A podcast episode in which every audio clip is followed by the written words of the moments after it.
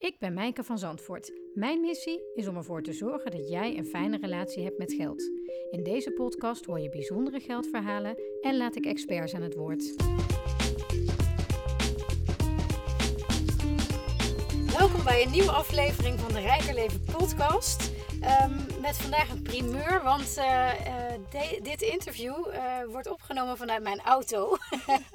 Naast mij zit Erika Bodor. Welkom Erika Dank je. in dit interview en in mijn auto. Ja. Eh, we zitten hier omdat wij eh, allebei eh, deelnemen aan een training. Ehm, en dit het enige moment was dat we elkaar live konden spreken. Want Erika, jij woont in Barcelona. Dat klopt. Ehm, vertel, ehm, toen ik een oproep deed, wie wil er in mijn podcast praten over zijn geldverhaal, zei jij, dat wil ik wel. Ja. wat, wat maakte dat je dat riep? Wat maakte dat ik dat riep? Nou, ik dacht, ehm, ik heb eh, niet per se eh, een, een... In eerste instantie dacht ik eigenlijk, ik heb niet per se een heel bijzonder geldverhaal. Eh, Ik heb niet heel veel geld of zo, maar ik denk dat ik wel een bijzonder geldverhaal heb in de zin van dat veel mensen zich daarin kunnen herkennen. Met voornamelijk de belemmerende overtuigingen wat ik, wat ik heb met geld. En hoe mijn relatie met geld is of hoe ik daarmee ben opgegroeid. Ik denk dat dat wel een ja, grote herkenning is voor heel veel mensen. En wat eh, noemen ze een paar dingen? eh, wat zijn je belemmerende overtuigingen en welke denk je dat mensen naast jou ook hebben? Of zie jij ook in andere mensen? Ehm, nou, het, het is nu redelijk wel eh, beter aan het worden. Ook natuurlijk door, eh, door het coachingprogramma wat wij samen doen. Maar het is voornamelijk hoe ik ben opgegroeid met. Als ik kijk naar hoe mijn eh, ouders of mijn moeder, mijn oma, hoe zij denken over geld. Ook nog steeds hoe ze praten over geld. Ja, dan denk ik denk dat heel veel mensen dat hebben. Ja, altijd een beetje een schaarste mindset. Want wat waren voor- bijvoorbeeld de dingen die jij hoorde van je omgeving? Ah, ja, dat er altijd te weinig is en dat het heel moeilijk is om geld te verdienen. En oh ja, gewoon de manier ook waarop, eh, waarop over geld werd gepraat. Van oh ja, dat rotgeld ook altijd. Ja, er is altijd tekort. En oh, had ik maar meer geld, want dan kon ik dit doen. Ehm, ja, dus eigenlijk altijd een soort van negatieve lading eh, zat er op geld. En ik ben nu wel zover dat ik dat niet meer heb. Hè, ik heb niet eh, onwijs veel geld om eh, ermee te gaan strooien. Maar ik merk wel dat eh, ik op een of andere manier in onze familie toch wel anders ben met geld. Dat ik ja, altijd mijn geld redelijk makkelijk heb kunnen verdienen. Ook tijdens mijn studies. Maar eh, nu ook wel. Als ik eh, echt een, baan moet zoeken, dan heb ik daar nooit echt moeite mee. En ik heb altijd wel gewoon banen gehad waarmee ik gewoon wel oké verdiende. Dus, maar eigenlijk is het dus zo dat jouw eigen ervaringen niet meteen al niet matchten met de verhalen die je mee hebt gekregen. Dus dan, dan voel je toch ergens een soort van clash. Klopt. Of Ja. wat, wat- dat je denkt, wat klopt hier niet? ja. Kun je je nog herinneren dat je dat voor het eerst dacht? Nou, ik heb het niet echt, eh, denk ik, heel bewust meegemaakt. Of heel, niet zo heel bewust daarover nagedacht. Eh, het viel me wel op dat ehm, de, inderdaad de manier waarop mijn moeder bijvoorbeeld ge- praatte over geld. Of, of als ik inderdaad de rest van mijn familie hoorde praten over geld. eh, bij, bij hen was het altijd heel moeilijk om eh, bijvoorbeeld een baan te vinden waarbij ze goed eh, geld konden verdienen. Of überhaupt een baan vinden kostte vaak ook moeite. En ik had daar eigenlijk nooit moeite mee. Ehm, ja, dat was voor mij altijd heel makkelijk. Ik had soms wel zelfs drie baantjes tegelijkertijd tijdens mijn studie. Nou had ik natuurlijk nog lekker studiefinanciering, waar ik ook eh, ehm, van eh, kon leven. Dus ja, En hoe reageerden jouw ouders daar dan op, op dat gemak? Of die moeiteloosheid? nou, ja, daar reageerden ze niet echt op eigenlijk. Mijn ouders waren ook gescheiden hoor, destijds al toen ik studeerde. Maar ehm, nee, ik denk dat mijn moeder vooral, die was natuurlijk gewoon blij dat ik ook voor mezelf kon zorgen. Want ik heb ook altijd alles zelf betaald, mijn studie en eh, alle bijkomende kosten. Dus ik heb daar eh, nooit... ehm, nooit hulp in gehad zoals andere mensen dat eh, hebben. Maar dat was voor mij wel heel fijn. En daar was mijn moeder natuurlijk ook wel blij mee dat ik dat eh, zelf zo kon doen. Dat ik mezelf gewoon kon redden. En ja, dat vond ik ook wel heel fijn. Want eh, dat heb ik wel heel erg meegekregen ook vanuit mijn moeder. Dat ik wel altijd zelfstandig moet zijn en niet afhankelijk moet zijn van anderen. Misschien ben ik dat nu zelfs iets te daardoor. Ja, te? Ja, iets te ja, zelfstandig inderdaad in de zin van ik ehm, vraag niet zo gauw eh, om hulp aan andere mensen. En zeker niet eh, met geld. Maar überhaupt niet. Dus dat heb ik wel echt van mijn moeder meegekregen. Van ja, je, je moet altijd wel zorgen dat je gewoon ja, je mannetje kan staan. Al ben je een vrouw. Maar dat je in ieder geval gewoon jezelf kan redden.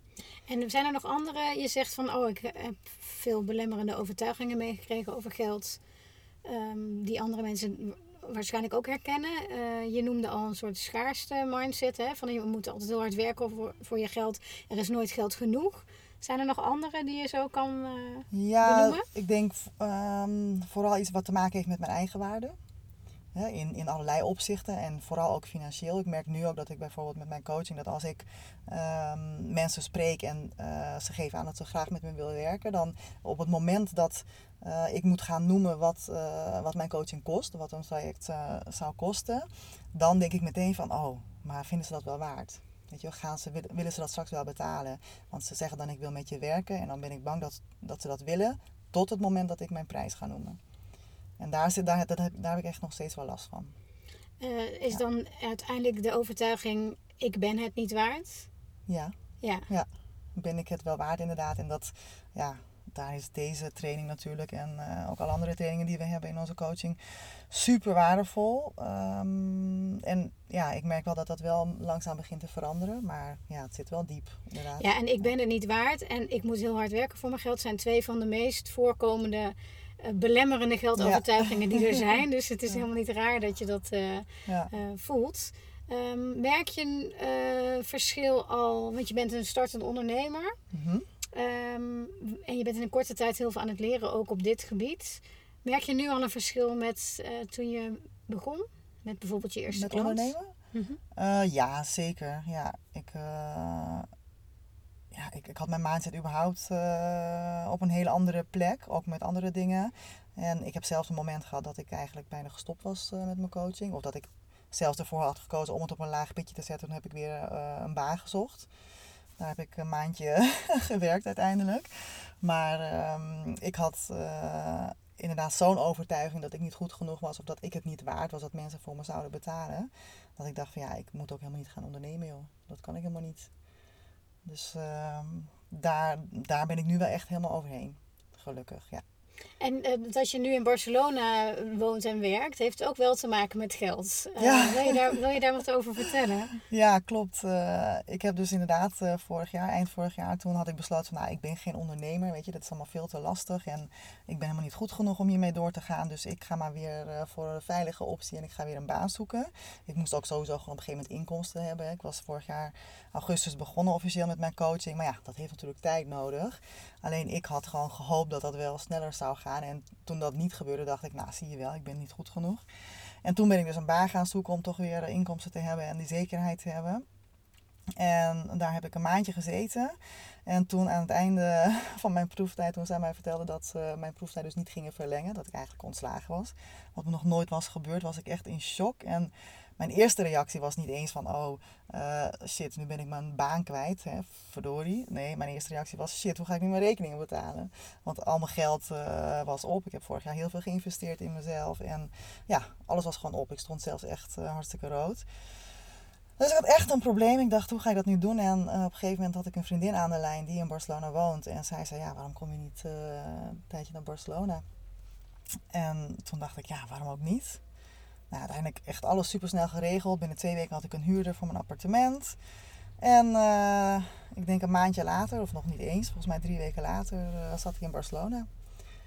En dus dat was eigenlijk echt een beetje een soort uh, uit noodzaak. Ik had natuurlijk ook gewoon hier bij mijn moeder kunnen logeren of bij vrienden of wat dan ook. Maar ja, ik vond Barcelona natuurlijk Maar je, je relatie, je, je situatie was zo penibel dat je dus um, wel echt dat je gewoon niet in je eigen, eigen huis kon blijven wonen?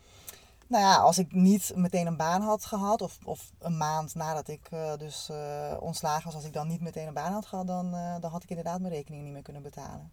Nee, dus dat was, dat was de grootste reden. En is in jouw beleving het vertrekken naar Barcelona ook een soort vlucht geweest voor problemen of niet? Nou, uiteindelijk zeker niet, want het heeft me heel veel opgeleverd. Ik heb echt puur mijn gevoel gevolgd. En uh, mijn hoofd heeft wel in het begin, toen, ik er, uh, toen dat idee opkwam, toen heeft mijn hoofd inderdaad wel heel erg uh, proberen mij wijs te maken van ja, je vlucht nu inderdaad voor je problemen. Maar mijn gevoel zei, je moet het doen. En ik heb er een nachtje over geslapen en toen de volgende dag besloten, weet je, ik ga het gewoon doen. En het was echt de beste beslissing die ik had kunnen maken.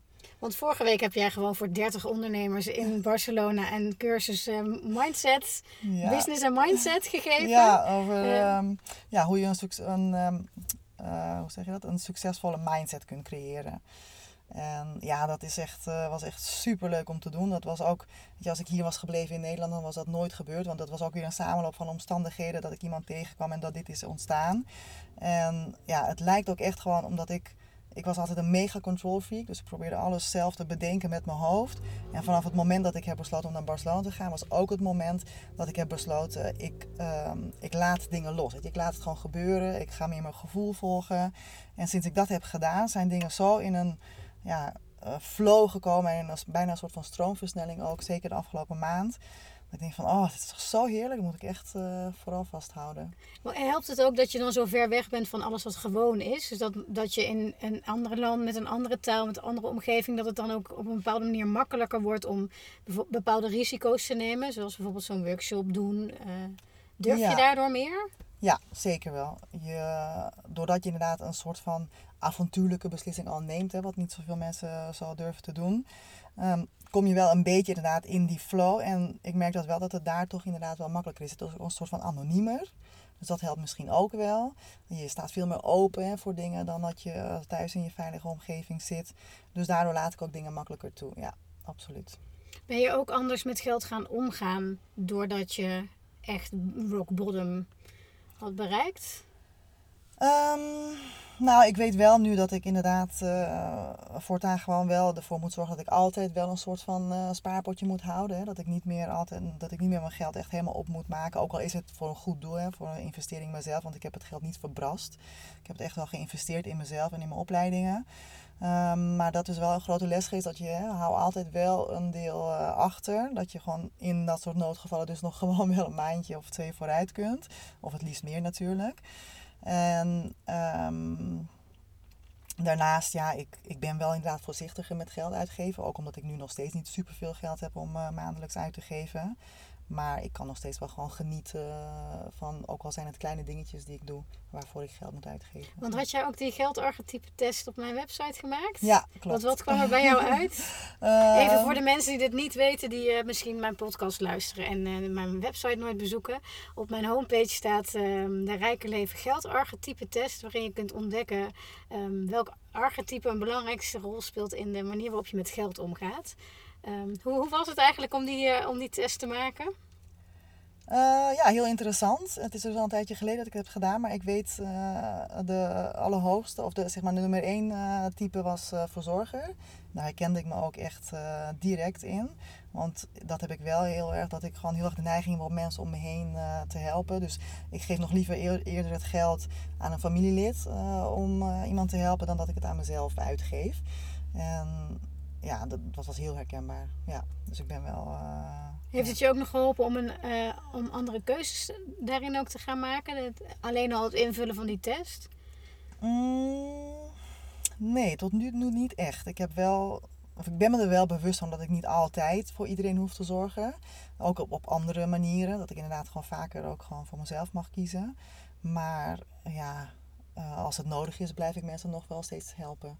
Ja, wat ook een hele positieve eigenschap is van uh, de, het archetype, de verzorger. Hè? Dat vind ik leuk aan die archetypes, dat, het, dat ze allemaal hun sterke en hun minder sterke ja, kanten precies. Ja, precies. ook valkuilen, maar ik weet niet meer precies wat die zijn. Nee, uh... nee en dat is ook iets waar, nou, waar ik in mijn uh, online programma en mijn coaching ook mee aan de slag ga. Dat je steeds beter je geldkarakter leert kennen. Ja. Waardoor je um, slimmere keuzes maakt als het gaat over hoe je met geld omgaat. Um, hoe zie je je toekomst? Mijn toekomst? Nou, uh, best wel goed eigenlijk. Wat ik al zei, hè, nu, ik mijn gevoel aan het volgen ben en dat ik gewoon in Barcelona zit en gewoon zoveel mooie dingen komen er op mijn pad.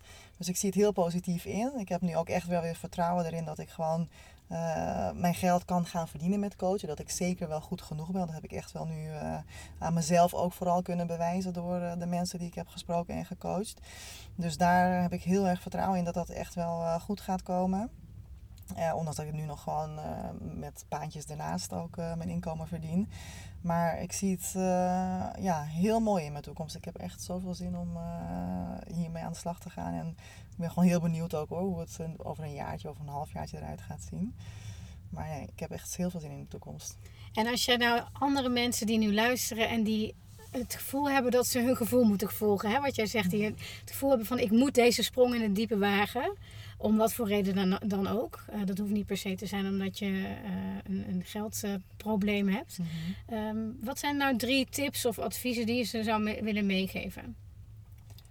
Eh, hoe ze beter hun gevoel kunnen volgen, bedoel je? Ja, hoe, ze, eh, hoe ze de sprong kunnen maken en eh, goed kunnen landen.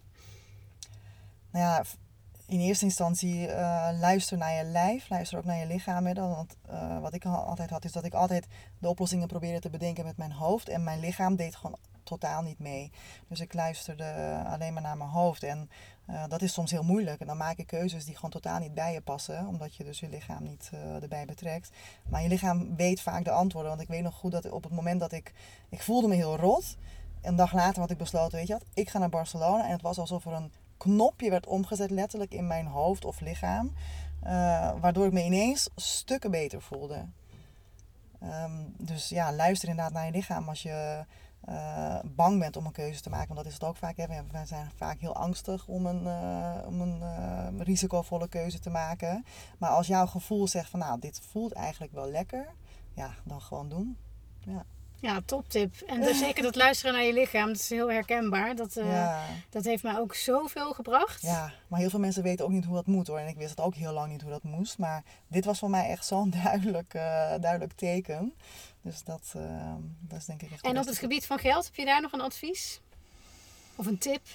Ah, jeetje, ja. Weet je, ook al heb je niet heel veel geld, eh, probeer niet ehm, jezelf te, eh, hoe zeg je dat, te veel te ontnemen. Je gaat wel gewoon leuke dingetjes doen en trakteer jezelf toch ook wel gewoon een keertje op een eh, eh, etentje of, of een avondje uit of wat dan ook. Dat je jezelf gewoon af en toe lekker verwendt. Want dat voelt soms ook wel goed, ook al heb je niet superveel te besteden. En het hoeft ook niet heel veel te kosten. Maar jezelf echt een keertje in de watten leggen, dat ja, geeft je ook weer een goed gevoel. Dus dat is ook belangrijk.